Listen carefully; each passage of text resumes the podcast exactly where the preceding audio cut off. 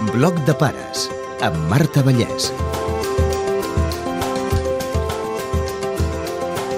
Avui parlem de nens i nenes que tenen talents per sobre de la mitjana. Li plantegem els dubtes a la pedagoga i logopeda Milagros Valera, experta en intervenció educativa en alumnes amb altes capacitats i vocal d'Educació i Diversitat del Col·legi de Pedagogs de Catalunya. King of the road.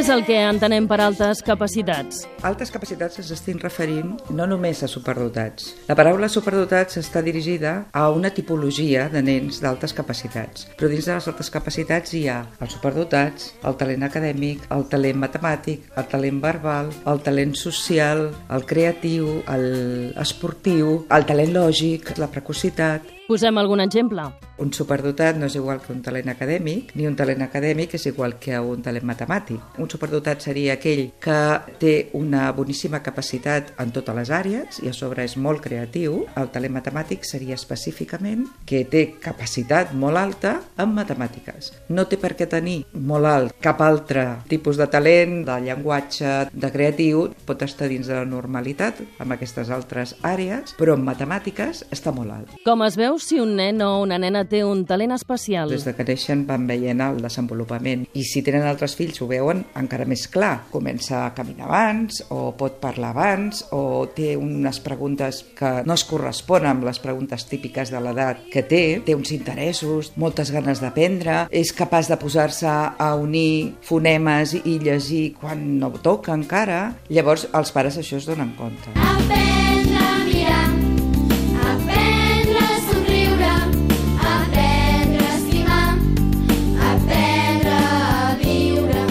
I a l'escola són fàcils de detectar?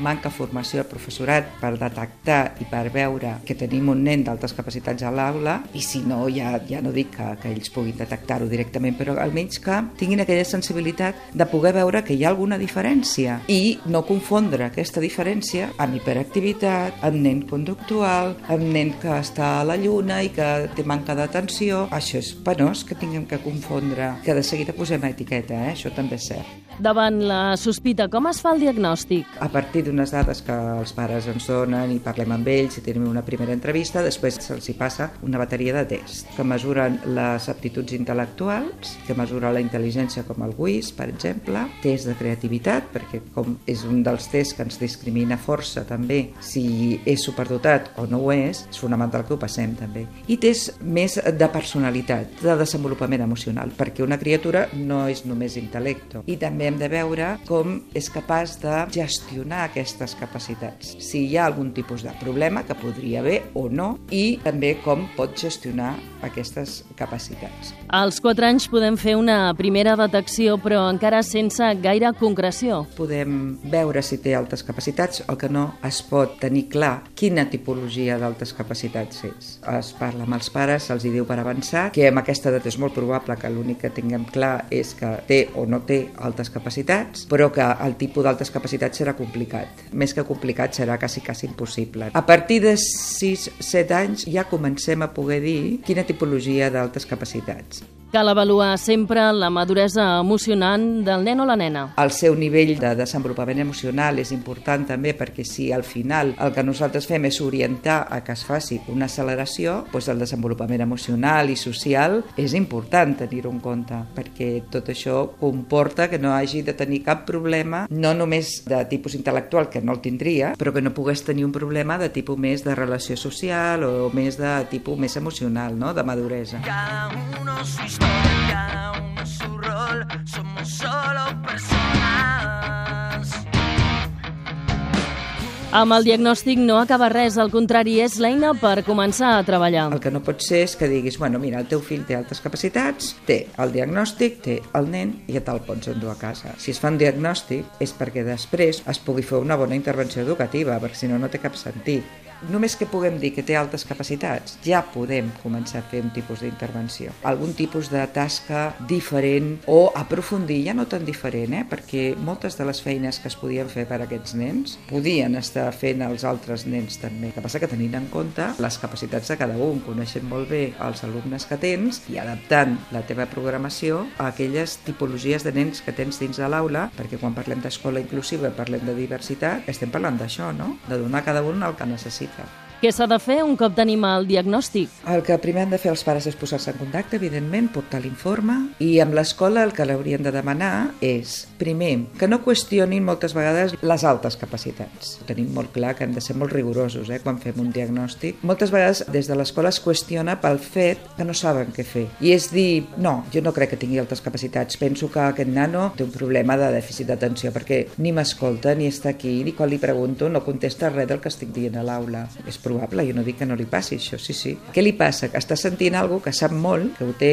més que integrat i que s'està avorrint, que ho està sentint moltíssimes vegades. Per tant, el que sí que fa és desconnectar, evidentment, i està doncs, amb el seu món de fantasia, amb el seu món del que sigui, no? La intervenció educativa inclou possibilitats diferents segons la necessitat de cada alumne. Una acceleració estaríem parlant de passar de curs, fer programes d'enriquiment aprofundint o altres tipus també seria no només aprofundir sinó connectar àrees, sobretot superdotats i talents acadèmics, això ho fan molt bé, treballar en xarxa, això els hi va molt bé, saben relacionar molt bé. Projectes, treballar per projectes també va molt bé. Un nen superdotat o amb un determinat talent acadèmic no ha de fer necessàriament el progrés sol. Moltes de les coses que fem per nens d'altes capacitats es poden fer perfectament per tota l'aula. El que passa que hem de tenir clar no només conèixer el nen d'altes capacitats, sinó quin tipus de perfils d'aprenentatge tenim a les aules. Quins nens tenim i com podem treballar aquests nens. Podem tenir dos, tres nens amb dificultats i un nen o dos que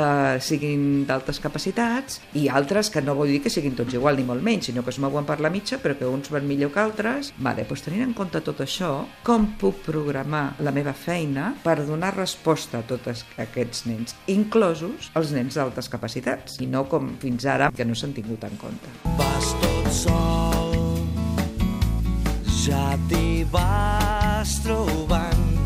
Pot treballar ben acompanyat a l'aula amb una mica d'esforç i bona planificació. Segur que el nen d'altes capacitats o la nena d'altes capacitats pot estar dins d'un grup que segur que hi ha nens que tiren i que poden molt bé treballar en conjunt. Tu pots elaborar un projecte per treballar tota l'aula i fer grups tenint en compte aquelles tipologies per muntar els grups, aquella part que sembla que és una mica menys complicada del projecte li donem a aquells nens que tenen més dificultat. A la part que és molt d'aprofundir molt i potser molt complicada i que jo intento complicar-li més perquè sigui un repte per ell, aquell nen d'altes capacitats que pot estar amb dos o tres que també tiren molt fort. I després es posa en comú. Pues ja estic treballant tots alhora i no aquest nano sol. Hi ha casos sorprenents. Aquest nen s'estava avorrint soberanament perquè ell llegia i a l'aula s'estava fent les vocals amb 4 anys. No era un repte per ell a l'estar a la classe, era fer moltes coses que ja sabia. Llavors es va valorar i des de l'escola ho van veure clar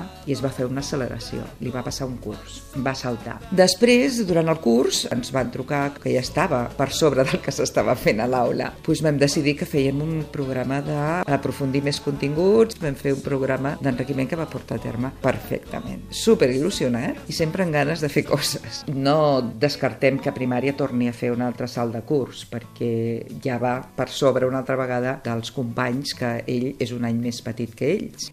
El nen o la nena amb altes capacitats ha de saber què li passa. de la forma més natural, eh? Han de tenir clar que tenen altes capacitats, és una cosa bona, i que s'han d'aprofitar amb el que ell vulgui. Tampoc és una cosa d'obligar-lo a fer coses. Sí que té ganes, i sí que té interessos, i sí que necessita aprendre més, i t'ho demana, li hem de donar.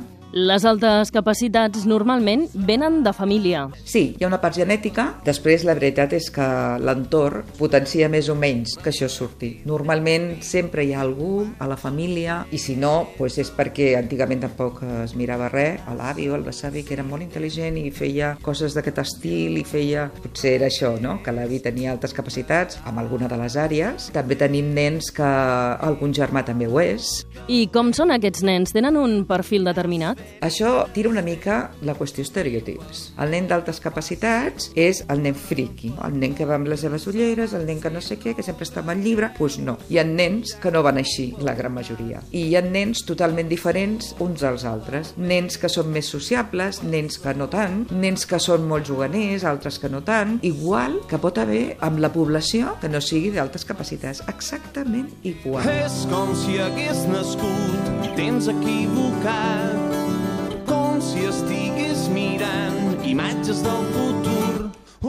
De la mateixa manera que les escoles treballen alguns trastorns de l'aprenentatge, falta molta formació per atendre les altes capacitats. que no sigui un tutor aïllat o dos o tres que estan interessats i mentre el nen cau amb aquesta classe funciona i quan ja passa amb una altra ja no funciona, no? Ben portada i que funcioni és fantàstic. Que passa que ha d'haver això, no? Una bona formació, professorat amb moltes ganes de creure flexibles i de creure en una escola inclusiva i de posar-la en pràctica i molta formació per a ells, evidentment. El que hem d'intentar arribar és a donar resposta dins de l'escola inclusiva, dins de l'escola de la diversitat, perquè és veritat, són diversos, i l'escola ha de donar resposta a tots. Fins i tot molt sovint alguns pares confien que hi hagi un error en la sospita i que el fill sigui el que en diem normal, sense tenir un talent especial. Per què?